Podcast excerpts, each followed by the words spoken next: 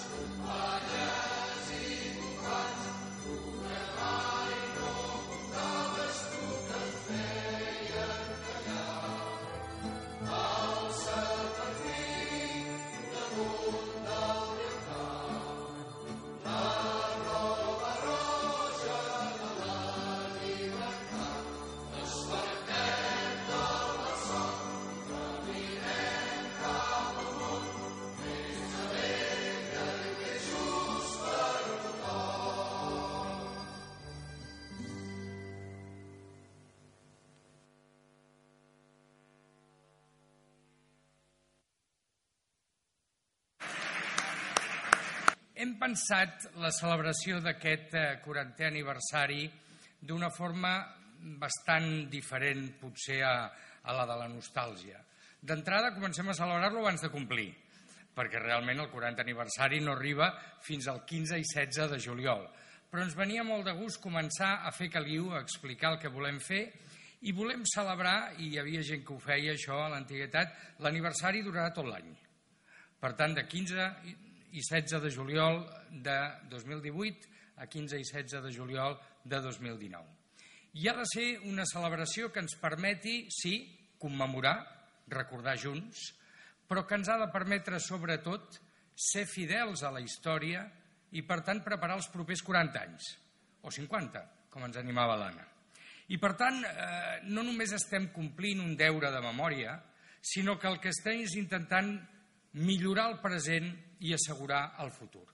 I des d'aquest punt de vista, eh, permeteu-me que comenci agraint a la gent que ja ha començat a treballar avui. Eh, en primer lloc, en Pere Montner, que ens ha fet donació d'aquest cartell, que serà el cartell del 40 aniversari.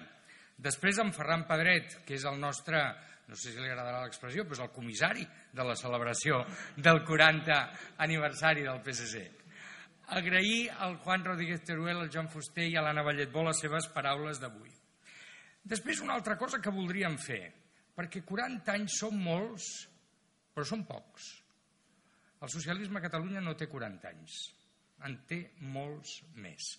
I, per exemple, haurem de fer, veure com ho fem, però farà aquest mes d'agost 130 anys del primer congrés del PSOE que es va celebrar a Barcelona i no per casualitat ni per sorteig, sinó perquè a Catalunya es concentrava el major nombre d'agrupacions socialistes fa 139 anys que té el PSOE, el primer congrés 130. 130 anys farà també a l'agost la fundació de la Unió General de Treballadors de Catalunya, que aprofitant la celebració d'un congrés obrer va decidir organitzar-se en forma de sindicat. I nosaltres formem part d'aquesta història. Som potser la baula més contemporània, però els nostres 40 anys no s'expliquen sense els 130 anteriors, o millor dit, 40 els 100 anteriors. Recordem quin era l'eslògan que es va triar a la unitat socialista. Dèiem unitat socialista, força del poble era l'expressió d'una convicció, d'un desig i d'un projecte. I jo us dic avui, o, no, o hi ha força socialista o no hi haurà unitat del poble. I realment eh, és una reflexió que té elements clarament de preocupació. Perquè la unitat socialista, és veritat, tenia molta empenta al darrere. Deia en Joan, em sembla que ha estat ell que ha utilitzat l'expressió, un grapat d'homes i dones que treballaven al llarg de molt de temps amb aquest designi unitari. Un grapat d'homes i dones que es van atrevir a cedir, a posar-se d'acord, a prescindir d'anteriors sigles en benefici d'unes noves. Per tant, visió, generositat i traducció d'una voluntat popular. I jo us dic, abans de la unitat socialista es va produir un fenomen, un fet polític molt rellevant, que va ser el pacte d'abril que va permetre anar a les eleccions junts al PSC Congrés i a la Federació Socialista de Catalunya PSOE. I, per tant, la força, finalment, la van posar els electors, els ciutadans, votant a les eleccions generals de 1977. Si aquelles eleccions no hi hagués hagut la victòria gran, important, del socialisme, probablement la unitat s'hagués acabat fent, però no hagués tingut aquella, aquell sentit d'obligació. I després també la capacitat de treure els companys del Partit Socialista de Catalunya i Reagrupament que a la vista del que havia estat aquell mandat popular van decidir afegir-se amb entusiasme al procés d'unitat. Un procés complicadíssim. Els que vam tenir el, el, privilegi de seguir-lo des de quarta fila eh, potser vam apreciar les dificultats encara més eh, que altres que potser s'ho veien des de primera fila.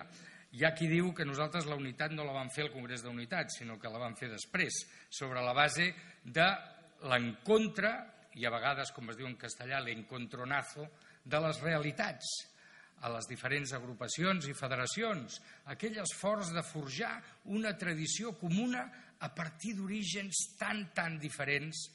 I avui tinc molt de goig de veure a molta gent coneguda d'aquella època i sempre em diuen no saludis ningú perquè si saludes algú llavors molts se sentiran que els has oblidat però escolteu, jo vull saludar el Juanjo Ferreiro i a la Dolors Torrent, que els veig allà, que estic encantat de, que, de veure-us després de, de molt de temps de no retrobar-nos. Uh, si un mira al darrere de les històries personals, i jo quan parlava l'Anna pensava no, no podrà acabar, perquè si ens ho vol explicar tot, si vol explicar un clau de vivència personal, la unitat va ser una aventura, un malson, un somni, tot amb un. I tothom el va viure de la seva manera. Jo també entendreu que saludi avui un dels protagonistes d'aquell moment, que és en Josep Maria Triginer, que el tenim aquí els que ens ho veiem una mica més de lluny no enteníem segurament amb què ens estàvem embarcant. Però després, efectivament, un cop inoculada la vacuna o el virus, eh, ja no t'ho treus, ja no t'ho treus. És el meu cas. Jo eh, sóc fill dels meus pares, però també del PSC, que és el tercer dels meus progenitors. I la veritat és que el goig d'arribar a ser primer secretari quan celebrem 40 anys i ens plantegem, sí, 40 o 50 anys més, doncs és un motiu de, de gran satisfacció però d'enorme responsabilitat.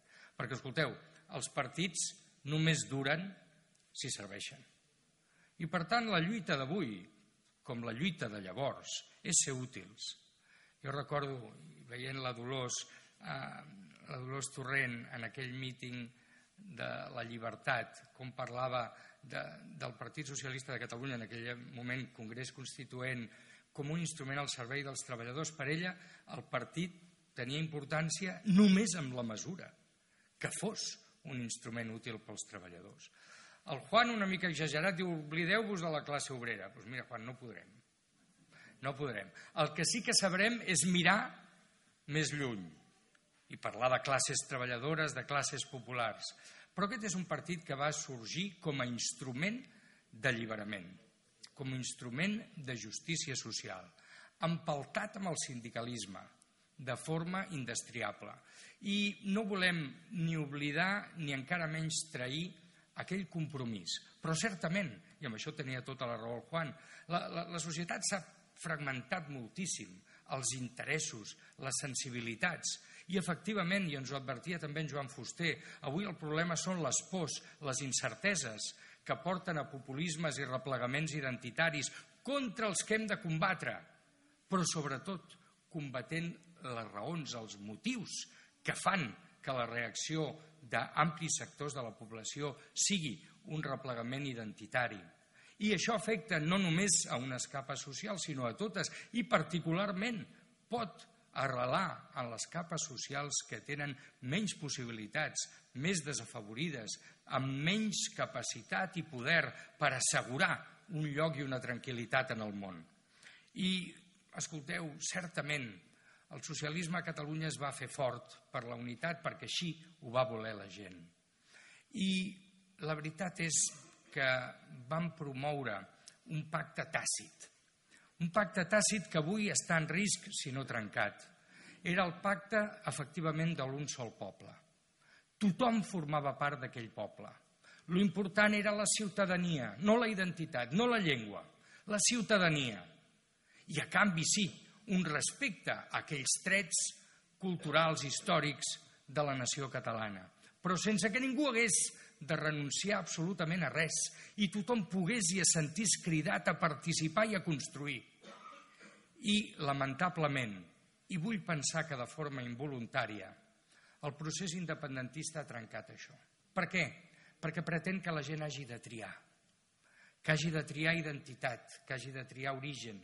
Fins i tot alguns sembla que volen que haguem de triar llengua, traint el pacte tàcit sobre el que es va fundar la societat catalana contemporània, traint el que havia estat el catalanisme com a força capaç d'amarar a la gent vingués d'on vingués per oferir una societat millor per la que valgués la pena lluitar.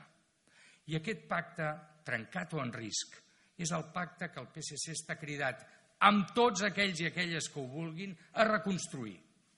Perquè nosaltres sí, efectivament, som socialistes. I sí, i som catalanistes, però el que a nosaltres ens importa, més enllà dels noms, és els objectius, els assoliments. Nosaltres volem una societat, efectivament, reconciliada, ens ho deien. També volem una societat pròspera, volem una societat justa.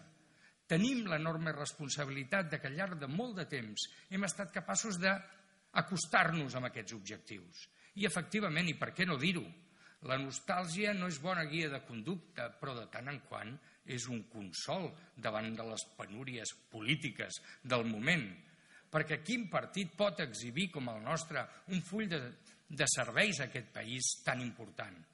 I és veritat que ara la democràcia, tot i les seves deficiències, no està en perill, però als anys 70 sí que ho estava, en perill i en dubte. I nosaltres vam fer la consolidació definitiva, ja sabeu que de les discussions que tenen els historiadors n'hi ha una que és quan comença i quan acaba la transició. Sobretot quan acaba, perquè quan comença la mort de Franco sembla que fa bastant consens, però quan acaba Jo sempre vaig pensar que la transició va acabar el 28 d'octubre de 1982, quan els socialistes a Espanya van guanyar unes eleccions amb un mandat que no era un mandat polític ciutadà electoral, era un mandat democràtic de girar pàgina definitivament. I així va ser. I en aquesta victòria magnífica, el paper del PSC, del seu plantejament polític, dels seus líders va ser fonamental. I és un altre missatge també que ens hem d'adreçar a nosaltres mateixos i al conjunt dels socialistes d'Espanya.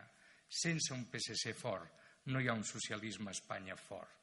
I per tant, ens prenem com a deure, com a obligació, retrobar els camins per expressar una majoria social en favor dels canvis, que ens humanitzin, que ens civilitzin com a societat, que assegurin el nostre progrés, que assegurin la convivència. Tantes i tantes coses. La unitat socialista va conjurar per sempre més l'amenaça d'una divisió comunitària a Catalunya. Tothom oblida tot. I els que encara preservem memòria, per exemple, hem de recordar que l'any 1980 al Parlament no hi havia un únic partit socialista. Hi havia el PSC, però també hi havia un partit socialista d'Andalusia que treia dos diputats, si no recordo malament. Per tant, no ens pensem que les coses són per sempre o que són gratuïtes o que hi ha esforços que no tenen sentit, tot el sentit. Tots aquells que deien que el pitjor dels enemics de Catalunya era el russisme entès com una correntia política que volia escindir la societat en funció d'origen o llengua, doncs el PSC va ser aquest, en aquest cas sí, la gran vacuna contra aquests riscos, però no una vacuna només preventiva, sinó creativa, perquè nosaltres pensàvem i seguim pensant que la cultura és un gresol en el qual les identitats es complementen, es multipliquen, es barregen i creen nous elements d'avenç. I per tant no renunciarem en absolut. Això sí, alguna crítica ens hem de fer potser, és que en els darrers anys potser vam pensar que això ja estava definitivament assolit i no vam parar prou atenció a elements de desgregació que potser hi eren i que no vam saber combatre o superar a temps. Però estem a temps. I la gent que ens pregunta a tot arreu on anem, això té solució? Hauríem de respondre amb un sí com una casa de pagès. Els problemes de Catalunya tenen solució els problemes d'Espanya tenen solució.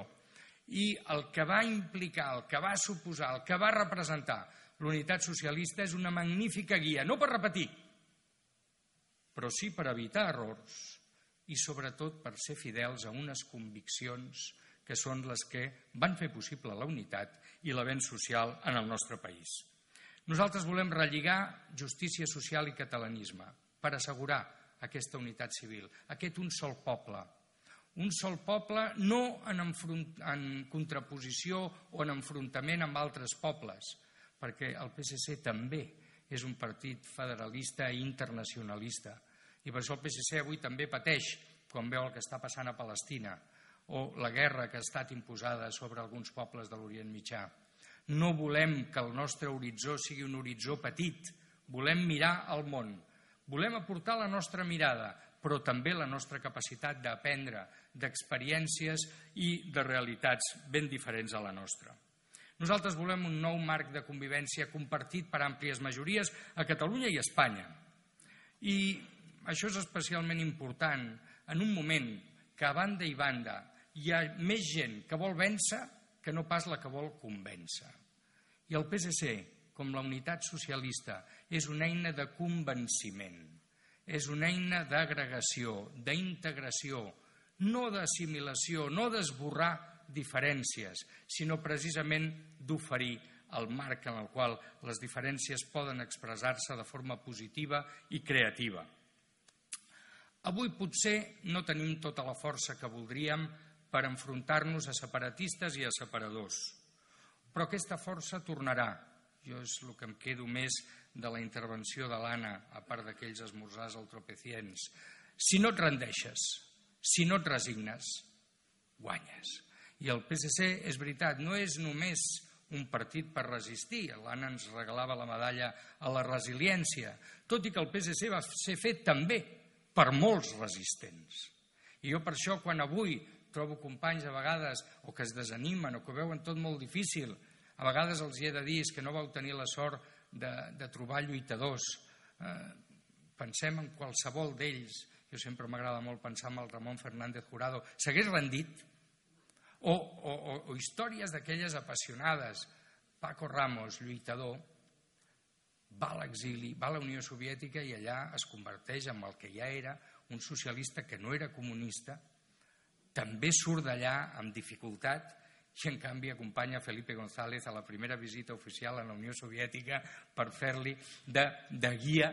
Eh, això és la nostra gent, la gent que ho ha patit tot, que ho ha donat tot, no es van rendir mai i les seves conviccions cada dia van ser més fermes.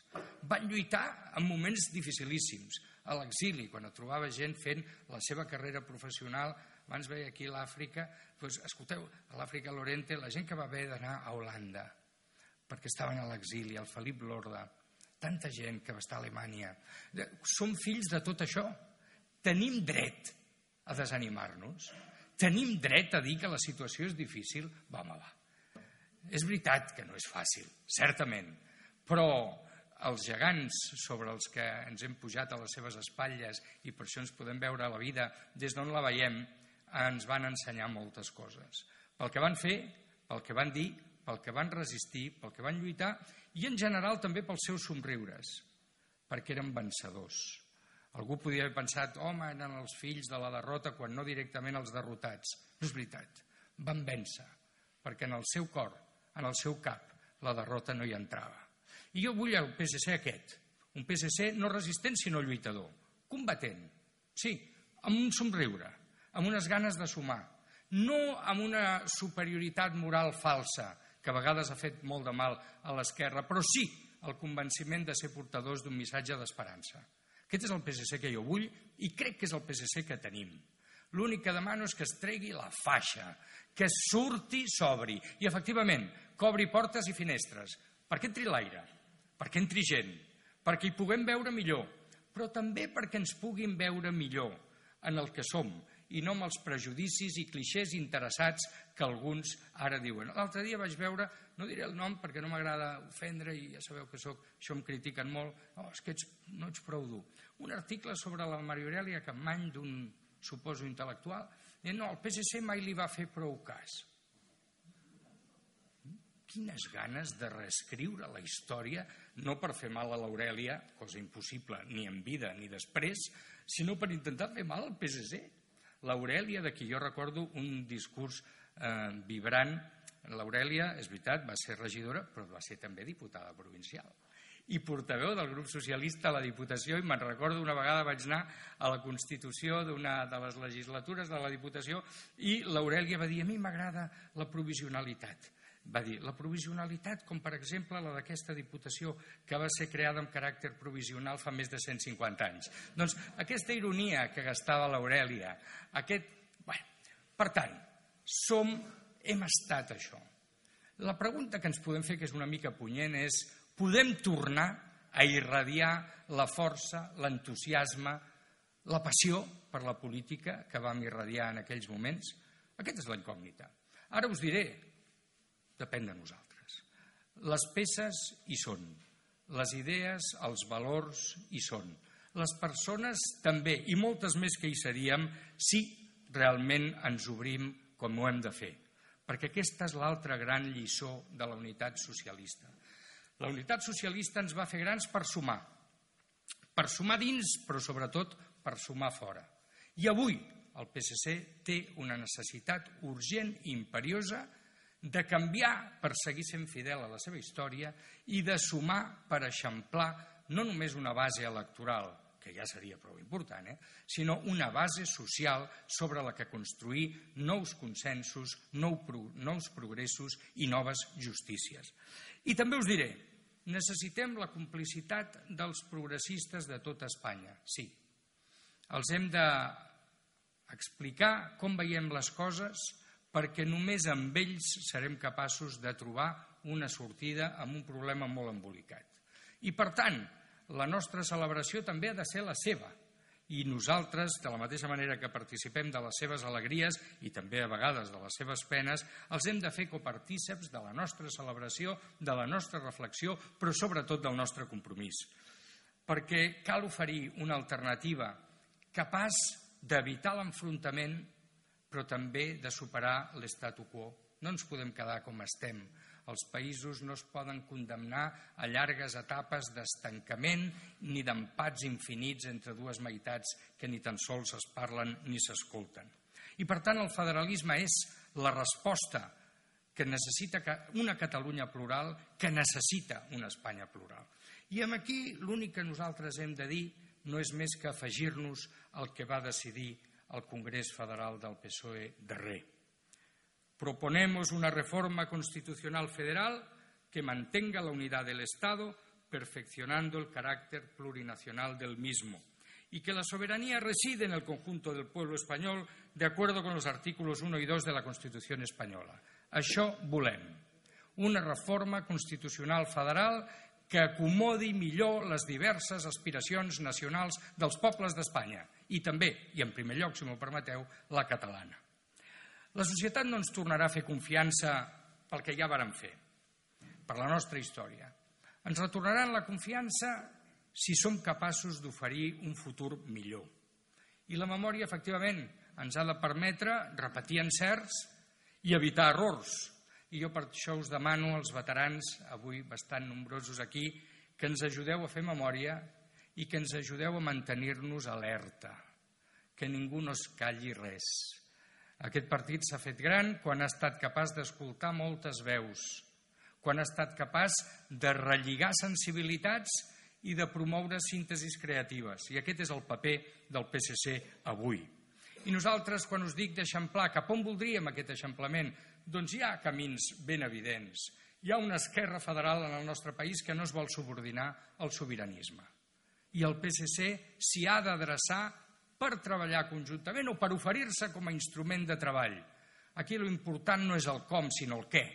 I, per tant, aquesta esquerra federal, que no es vol subordinar al sobiranisme, ha de trobar en el PSC el seu soci preferent o el seu lloc de militància, fins i tot si així ho estima.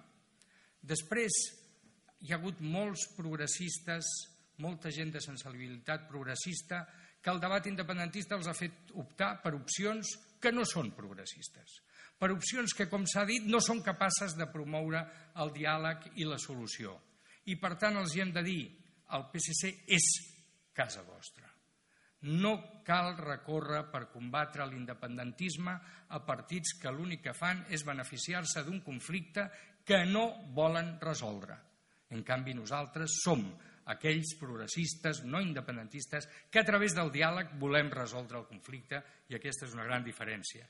I també molts catalanistes que no són independentistes, que volen unitat civil i cohesió social, amb ells i amb elles també ens hi adrecem, per treballar plegats, per oferir-los espais de treball conjunt, per oferir-los també, si així ho volen, el PSC com un camí, com un instrument, com una palanca de resolució de problemes i de progrés social. Hi ha moltes coses a canviar, però algunes coses segueixen fixes des del meu punt de vista. Deia el Juan, i el Miquel us explicarà què hem de fer. Doncs mireu, ni més ni menys que seguir fidels als nostres valors. I recordem-los de tant en quant. Un, el fet de ser demòcrates.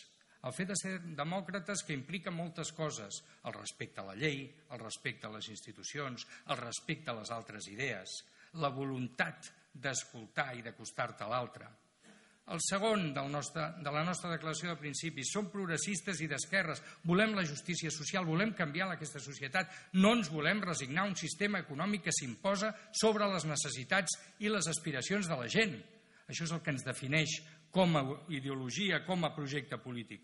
Som catalanistes i federalistes. Ens estimem aquest país perquè és el nostre i el volem construir de la mà de la resta de pobles d'Espanya, d'Europa i del món. Això és el que som. I som europeistes, sí, nosaltres no tenim dubtes.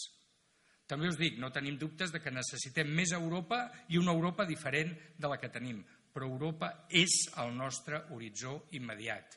I si amb això li hem de dir Estats Units d'Europa, diguem-li, perquè en aquesta batalla que en aquests moments es produeix en el nostre món, entre un sistema en el qual hi ha llibertat i economia de mercat però no estat del benestar, que a més ara s'està tornant proteccionista, el neoliberalisme nord-americà, i el sistema, que en podríem dir, asiàtic, manca de llibertat, manca d'estat del benestar, però això sí, molta prosperitat econòmica sobre la base d'explotació de molta gent.